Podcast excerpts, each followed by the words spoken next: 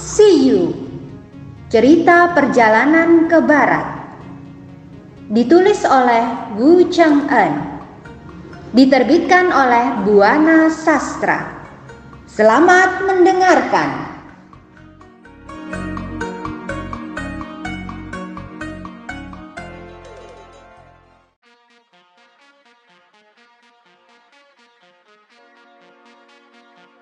Kemudian mereka melanjutkan perjalanan dengan santai.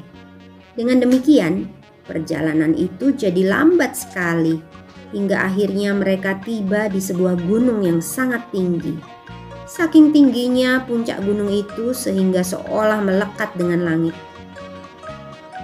Lihat Wukong, tinggi benar gunung ini. Berapa tingginya ya? Kata Tan Zensang sambil menunjuk gunung itu. Tampaknya langit menempel dengan puncak gunung itu. Gunung tinggi menempel pada langit. Itu kan hanya perumpamaan saja, guru. Kalau gunung tidak menempel pada langit, bagaimana mungkin Gunung Kunlun dikatakan tiang langit? Kata Bajie. Untuk di bagian barat laut, Gunung Kunlun adalah gunung tertinggi karena itu orang menyebut Gunung Kunlun sebagai tiang langit. Sudahlah, tak perlu lagi meladenin Bajie, Kak, kata Xiaojing. Bajie kan mudah berubah. Betapa kesalnya Bajie mendengar ejekan Wujing. Ia pun berlari hendak menghajar Wujing. Tanpa menghiraukan gurauan murid-muridnya, Tan Sensang langsung melarikan kudanya mendekati gunung itu. Melihat gurunya pergi, dengan terpaksa ketiganya menyusul sang guru. Sampai di atas, ketika Tan Zhang tersusul oleh murid-muridnya, ia menunjuk ke satu arah. Coba kalian lihat tempat apa di sana, kata Sensang tatkala ia menghentikan kudanya. Kurasa itu sebuah kuil guru, tapi aku khawatir ada siluman di kuil itu, kata Wukong. Sebab kulihat kuil itu agak mirip dengan kuil petir, hanya letak dan jalannya saja yang berlainan. Karena itu kuharap guru jangan sembarangan masuk. Aku takut ada bahaya. Kau jangan sembarangan bicara, apalagi menjelekan kuil orang lain, kata Sansa. Siapa tahu ini benar-benar Gunung Lingsan. Udahlah, jangan kau halangi niatku. Guru, bersabarlah, jangan tergesa-gesa begitu. Aku sudah berulang kali datang ke Gunung Lingsan. Jadi aku sudah mengenal betul arah jalannya, kata Wukong. Sekalipun ini bukan Gunung Lingsan, tapi mungkin di sini ada orang baik, kata Bajie. Sudah, kalian jangan ribut. Lagi pula tempat ini harus kita lewati kan? Ayo, lebih baik sekarang kita periksa saja, kata Wujing. Kau benar, dek. Ayo, kata Wukong. Sesudah itu Tan Sang melarikan kudanya sampai di depan pekarangan kuil itu. Tan Sang melihat papan nama kuil itu. Papan itu bertuliskan kuil petir. Melihat papan nama itu, turunlah Tan Sang dari kudanya Kemudian ia berlutut hendak memberi hormat. Namun ketika Wukong tiba, Tan Zhenzang malah marah pada Wukong. Wukong, ini benar kuil petir. Kenapa tadi kau bilang bukan? Apa kau mau mengelabuiku? Kata Zhenzang. Mendengar teguran itu, tiba-tiba Sun Wukong tertawa. Guru, jangan marah dulu. Coba guru perhatikan huruf-huruf itu. Bukankah huruf yang tertera di situ ada empat? Kenapa guru hanya membaca tiga huruf saja? Kata Wukong. Mendengar kata-kata Wukong, betapa kagetnya Sanzang. Ia segera bangkit, lalu melihat papan itu dengan lebih teliti. Rupanya ia ingin membuktikan perkataan muridnya barusan. Ketika ia mengecek sekali lagi, ternyata huruf depan itu adalah xiao yang berarti kecil. Lengkapnya Xiao Xiao Li Yin Si atau kuil petir kecil. Karena huruf itu agak kabur dan kecil, Tan Zhang jadi salah membaca. Hmm, ternyata aku salah lihat. Ini memang kuil petir kecil. Tapi kau pun harus ingat, pasti di dalam kuil ini juga terdapat patung Buddha, kata Tan Zhang. Apalagi di dalam kitab juga telah dikatakan tentang 3000 Buddha. Dengan demikian, sudah pasti Buddha ada di segala penjuru bumi umpamanya seperti Dewi Guan Yin yang ada di Laut Selatan, Samanta Badra di Gunung Emei, Manjusri di Gunung Butai. Tapi yang ada di sini entah Buddha yang mana. Kemudian Sansang melangkah hendak masuk ke kuil itu. Guru, jangan masuk, kata Wukong. Tempat ini sangat menyeramkan. Pasti berbahaya jika guru masuk. Apanya yang bahaya? Di dalam kuil ini pasti ada tempat tinggal Buddha. Setidak-tidaknya lukisannya pasti ada. Sekarang biarkan aku masuk untuk menghormatinya, kata Sanzang memaksa. Sesudah itu, Sansang yang keras kepala meminta Bajie agar menyiapkan jubahnya.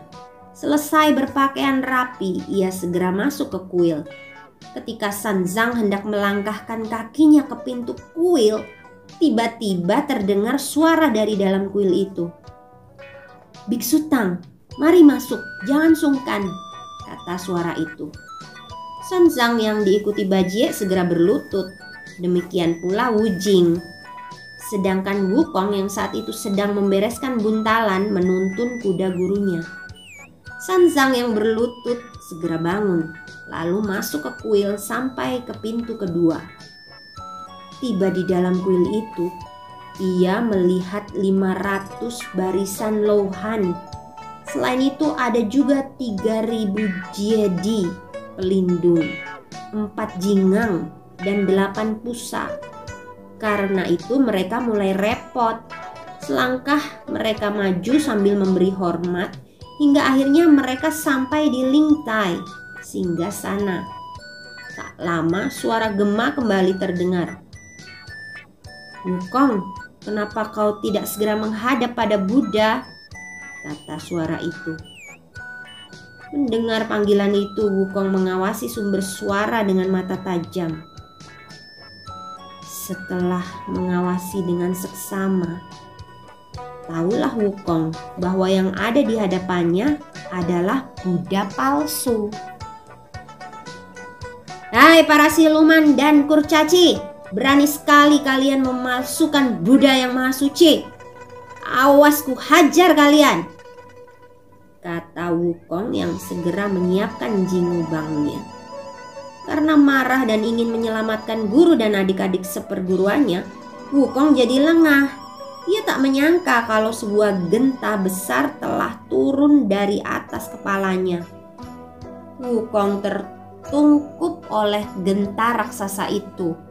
Menyaksikan kejadian itu, Bajie dan Wujing terkejut luar biasa. Tapi sebelum mereka bertindak, mereka telah dikepung oleh ribuan lohan. Bajie, Wujing, dan Sansang juga ditangkap. Kaki dan tangan mereka diikat kuat-kuat. Dalam sekejap, Buddha palsu itu kembali ke asalnya Ternyata mereka adalah sekumpulan siluman yang sakti. Sesudah itu, Sansang dan kedua muridnya dibawa ke belakang, sedangkan Wukong tetap dikurung di dalam genta yang digantung. Wukong mendengar mereka bicara. Nanti setelah tiga hari bila tubuh Wukong sudah mencair, barulah mereka akan merebus tan zenzang untuk santapan bersama. Sementara itu, Wukong yang terkurung di dalam genta merasakan pengap dan gelap. Tubuhnya juga sudah bermandikan keringat karena udara di dalam genta itu terasa amat panas. Walau demikian, Wukong terus mencari jalan keluar bagai orang linglung.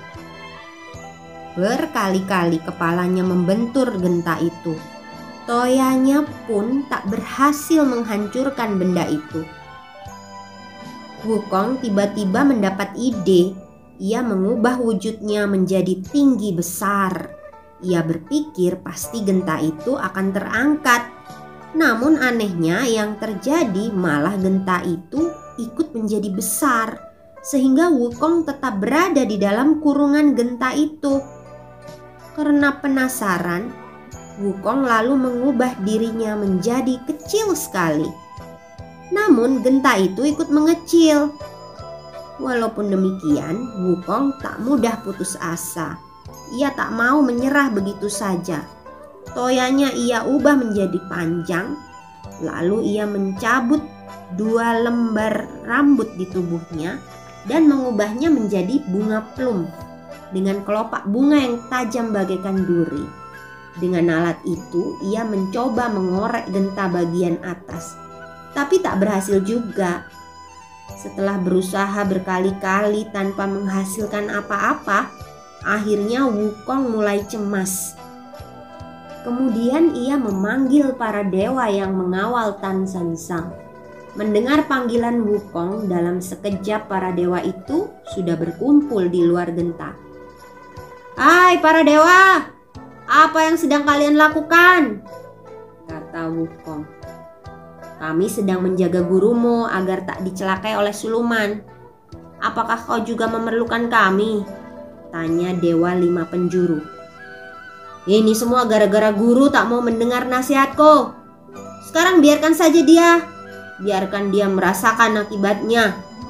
Lebih baik kalian bantu aku mengangkat genta ini. Gelap dan panas sekali di sini, kata Wukong. Mendengar perintah Sun Wukong, para dewa itu segera mengangkat genta yang menutupi Sun Wukong bersama-sama. Namun sekalipun jumlah mereka banyak, genta itu tetap diam di tempat. Mereka mencoba dan mencoba lagi, namun sia-sia saja Genta besar itu tak bergerak sedikit pun. Genta emas ini berat sekali. Kami tak sanggup mengangkatnya, kata para dewa itu. Ya, kalian benar. Aku pun tak sanggup mengangkatnya, kata Wukong.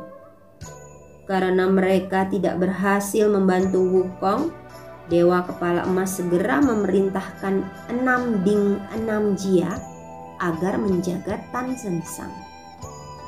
Selesai mengatur penjagaan atas keselamatan Tan Zensang, Dewa Kepala Emas langsung terbang menuju pintu langit selatan. Sampai di pintu langit, ia segera terbang ke istana awan, lalu menghadap Kaisar Langit yang agung. Dewa Kepala Emas segera berlutut di hadapan Kaisar. Kedatangan hamba adalah untuk melaporkan keadaan Tan Senzang dan murid-muridnya. Sekarang mereka dalam bahaya. Mendengar hal itu, Kaisar Langit ikut prihatin. Dengan cepat, Kaisar Langit memerintahkan Ershiba Singh, 28 bintang, agar berangkat ke kuil petir kecil untuk menolong Biksu Tang.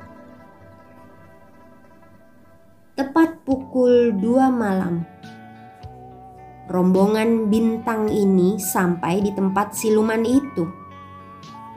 Karena saat itu anak buah siluman sudah tidur semua, dengan mudah dewa kepala emas mendekati genta itu lalu melapor pada Wukong.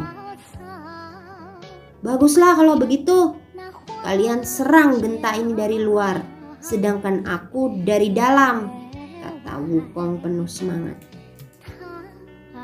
Kami tak berani menghajar genta emas ini. Sebab jika begitu sudah pasti akan menimbulkan suara keras. Para siluman itu tentu akan membangun semua nanti. Lebih baik kami membuat lubang. Kukira asal ada sedikit lubang hingga cahaya bisa masuk, kamu pasti bisa keluar, kata para bintang. Hmm, baiklah, kata Wukong.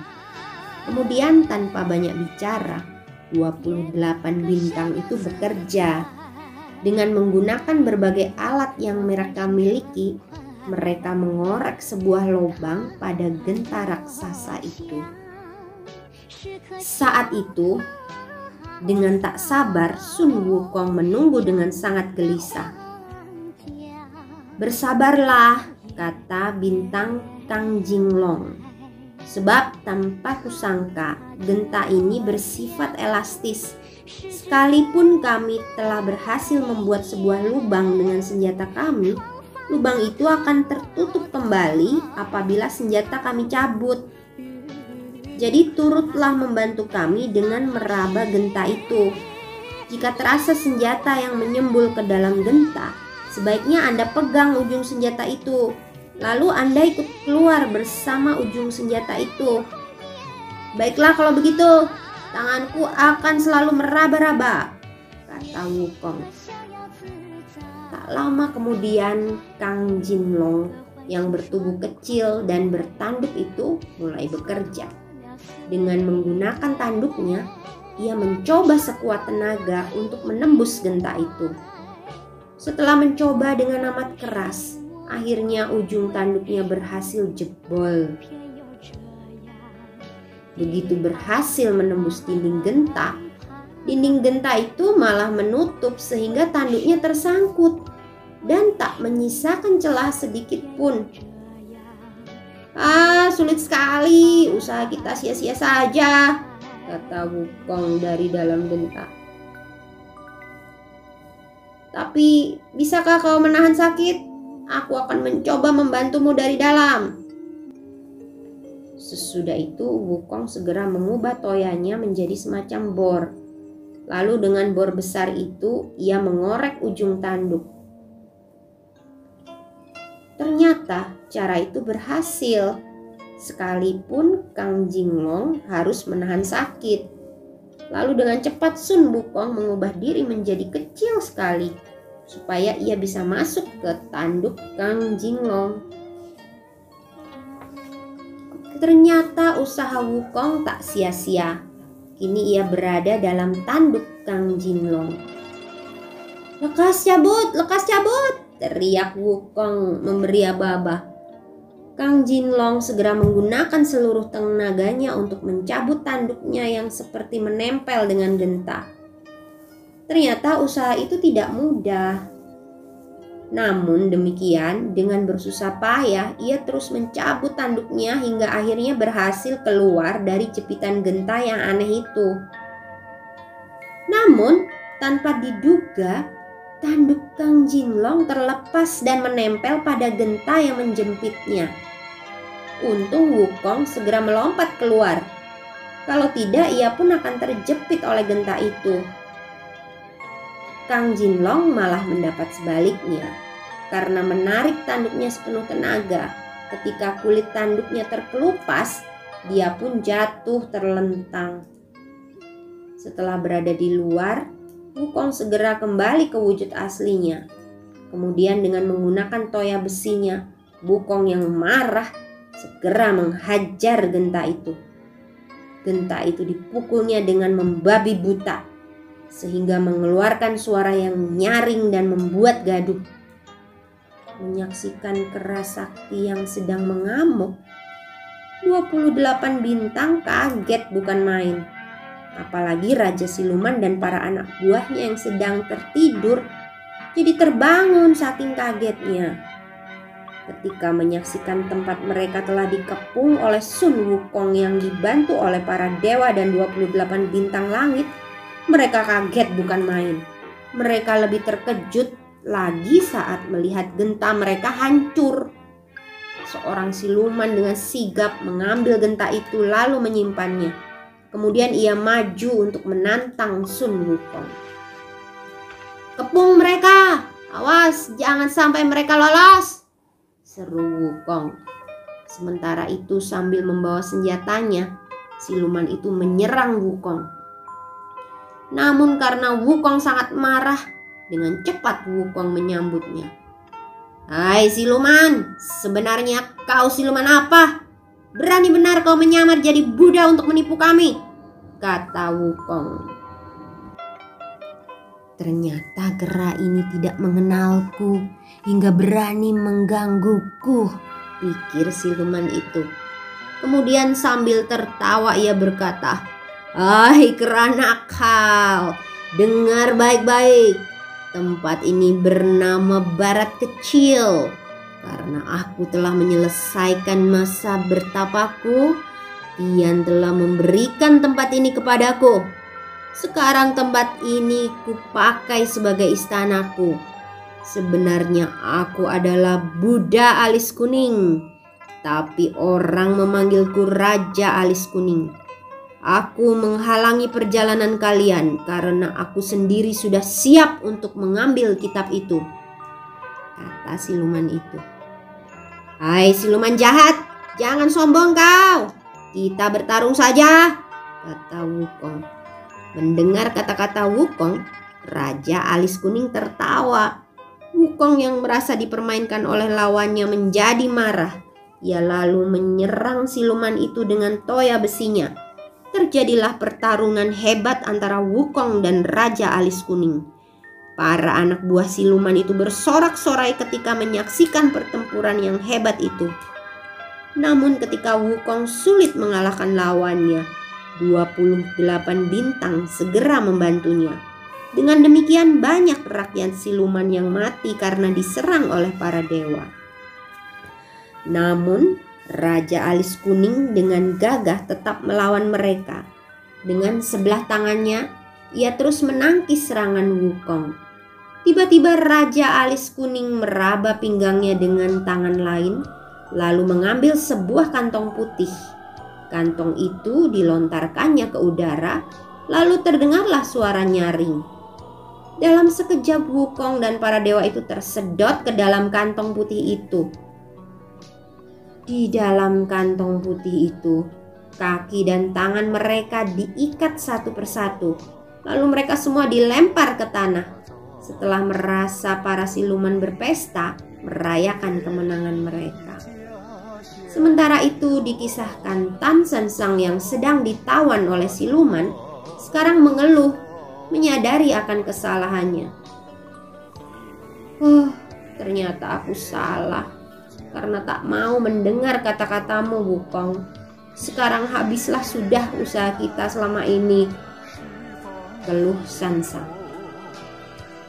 Ternyata keluhan Tan San Sang dapat didengar oleh Wukong yang berada di dalam kantong wasiat siluman itu. Saat itu Wukong pun sedang memikirkan nasib gurunya. Sebenarnya aku merasa kesal sekali kepada guru, pikir Wukong. Apalagi kalau ingat guru tak mau mendengar nasihatku. Tapi bila ku dengar keluhannya, aku merasa kasihan juga Tentunya sekarang ia menderita sekali. Wah, kalau begitu aku akan mencoba meloloskan diri dari kantong ini. Jadi aku bisa menolongnya. Wukong lalu mengubah dirinya menjadi kecil sekali hingga tambang yang mengikatnya terlepas. Sesudah itu Wukong menemui gurunya. Guru, ini aku Wukong, bisik Wukong. Oh muridku, syukurlah kau cepat menemuiku. Tapi bagaimana kau bisa lolos? Kata Sansang. Aku berusaha sekuat tenaga untuk meloloskan diri dari mereka, guru. Muridku, lekas kau tolong aku, kata Sansang. Mulai hari ini aku berjanji akan menuruti nasihatmu. Tanpa menghiraukan ucapan gurunya, dengan cepat Wukong membebaskan gurunya Kemudian ia membebaskan Bajie dan Wujing serta semua bintang dan dewa. Sekarang lekas guru berangkat terlebih dahulu. Aku akan mencari barang bawaan kita. Untuk apa kau mencari buntalan itu? Bukankah keselamatan kita semua lebih penting? Kata Kang Jinlong. Buntalan itu amat penting. Selain pakaian kami, di situ juga ada surat jalan, mangkuk, dan barang mustika milik Buddha, kata Wukong. Baiklah, kalau begitu lekas kau cari barang itu. Sementara itu kami akan menunggumu di jalan, kata Bajie. Kemudian tanpa banyak bicara, Bajie, Senzang, dan Wujing serta para dewa itu segera berangkat. Wukong sendiri pergi mencari buntalan mereka. Namun ketika ia mencarinya di dalam gua, buntalan itu tak berhasil ditemukannya. Walaupun demikian, Wukong tak berani membuka pintu gua itu karena khawatir akan menimbulkan suara ribut. Dia lalu menyamar menjadi kelelawar. Dengan perlahan-lahan ia merayap keluar dari luangan itu. Lalu ia tiba di suatu tempat dan ternyata ia melihat buntalan milik gurunya di sana. Kemudian dengan girang Wukong mengambil buntalan itu. Lalu ia mengubah wujudnya kembali. Terburu-buru ia berjalan untuk meninggalkan tempat itu. Namun langkah kaki Wukong terdengar oleh siluman itu. Eh, coba kalian dengar. Kurasa ada seseorang yang masuk. Hati-hati lekas periksa tempat itu. Bisik mereka. Dalam sekejap mereka mencari ke arah suara itu. Karena suara gaduh itu semua siluman terbangun dari tidur mereka. Dengan cepat mereka segera mengetahui bahwa Biksu Tang dan tawanan lainnya telah hilang. Sedangkan Wukong yang tak mau membuat keadaan semakin kacau segera melompat dari jendela. Sementara itu, para siluman yang sedang sibuk mencari tawanan mereka tak berhasil menemukannya. Dengan cepat pemimpin siluman itu segera mengatur anak buahnya untuk mengejar mereka. Saat itu Sanzang dan kedua muridnya yang sedang menunggu kedatangan Wukong di kaki gunung terlihat oleh siluman itu. Eh, kalian jangan lari! Teriak pemimpin siluman itu. Ah, siluman itu menyusul kita. Apa yang akan kita lakukan?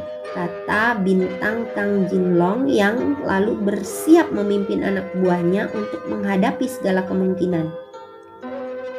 Kemudian para dewa dan para bintang dibantu Bajie dan Wujing segera mengepung siluman itu. Raja siluman itu memerintahkan anak buahnya agar mengepung lawannya. Maka terjadilah pertempuran hebat. Mereka semua saling serang, masing-masing mencari kelemahan lawannya. Serangan demi serangan terus berlangsung dengan serunya hingga akhirnya Wukong muncul. Kakak, Apakah kau berhasil menemukan barang kita? Tanya Baje.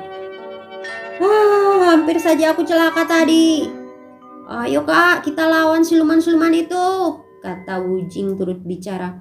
Baiklah, aku akan segera membantu kalian. Kata Wukong. Sesudah itu majulah Sun Wukong ke pertempuran itu. Dengan kedatangan Wukong, pertempuran itu semakin bertambah hebat. Ternyata pertempuran itu berlangsung lama. Mereka bahkan belum berhenti hingga sore datang. Namun ketika Wukong melihat pemimpin siluman itu mengeluarkan jimatnya, ia segera memberi peringatan. Awas, cepat kalian menyingkir, ada bahaya, teriaknya. Sesudah itu dengan cepat Wukong melompat ke angkasa untuk menghindari bahaya itu. Namun Bajie dan Wujing serta para dewa yang tak sempat mengelak akhirnya tersedot kembali ke kantong wasiat siluman itu. Setelah mereka tersedot, siluman itu segera menutupnya, lalu membawanya pergi. Sesampai di dalam kuil, siluman itu segera mengeluarkan tawanan mereka dan mengikatnya. Kemudian mereka digantung di sebuah tiang. Tawanan yang lain dibawa ke ruang belakang bersama kuda putih Tanzansan. Sementara itu, Sun Wukong yang selamat dari sergapan kantong wasiat itu terpaksa harus menunggu di langit. Setelah siluman itu pergi, barulah Wukong turun. Ah, guru, sungguh kasihan engkau. Kenapa buruk sekali nasibmu? Selalu saja menghadapi bahaya, kata Wukong. Kiranya semua siluman di semua penjuru berniat mengganggumu. Wukong duduk termenung. Ia sedang bingung memikirkan siluman pemilik kantong wasiat yang ampuh itu. Ah, aku harus mencari akal agar dapat menyelamatkan guru dan kawan-kawan, pikirnya. Setelah berpikir sejenak, Sun Wukong tersenyum. Ah, lebih baik aku menemui Dang Mo Tianchun. Kurasa ia sedang ada di Gunung Gudang. Aku akan meminta pertolongannya. Aku yakin ia mau, pikir Wukong. Lalu terbanglah Wukong ke arah utara untuk menemui Dang Mo Tianchun.